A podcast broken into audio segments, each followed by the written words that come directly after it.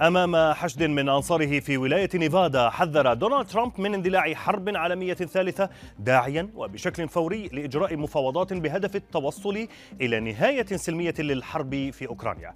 الرئيس الأمريكي السابق أوضح في خطابه أنه لن يبقى هناك شيء من كوكبنا في حال اندلاع حرب عالمية جديدة لأن الأغبياء لم يكن لديهم الحل ولم يفهموا حقيقة القوة النووية على حد قوله. مضيفا لقد سخروا من بوتين هذه القيادة تعمدت السخرية منه ودفعته إلى الحرب ضد أوكرانيا لقد كان الخطاب الأمريكي غبيا للغاية على حد وصف دونالد ترامب.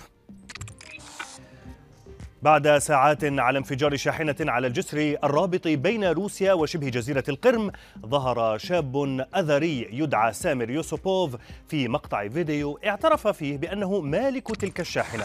يوسوبوف أكد أنه لا علاقة له بما حدث في الجسر وصحيح أن الشاحنة مسجلة باسمه لكن ابن عم والده كان يعمل عليها وقت حدوث الانفجار مشيرا إلى أن الأخير كان ينسق عملية نقل البضائع من خلال موقع إلكتروني في فيما تحدثت تقارير عن أن السلطات الروسية داهمت منزل يوسوبوف وصادرت منه جهاز كمبيوتر لكنها لم تجد الشاب العشريني لتقرر اعتقال والده.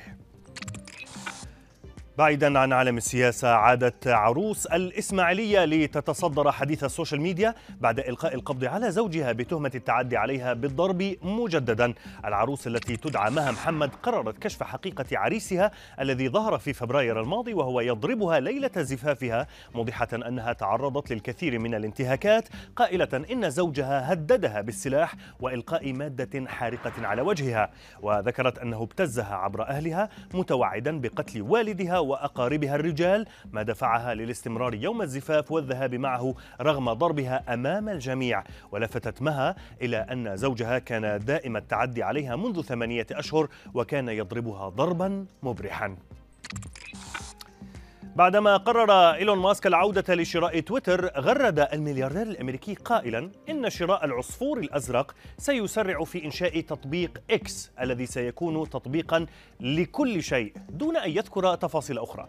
مراقبون حللوا تغريدة ماسك بالقول إنه يريد تحويل تويتر إلى تطبيق يكون مشابها للتطبيقات الفائقة التي تحظى بشعبية في الصين مثل ويتشات الذي يعد وسيلة تواصل اجتماعي شاملة ومراسلة فورية ومنصة للدفع عبر الهاتف المحمول. مشيرين إلى أن ماسك يحاول أن يجمع بين تلك الخدمات عبر تطبيق واحد يعمل من أي مكان في العالم عبر شبكته ستارلينك العاملة عبر الأقمار الصناعية.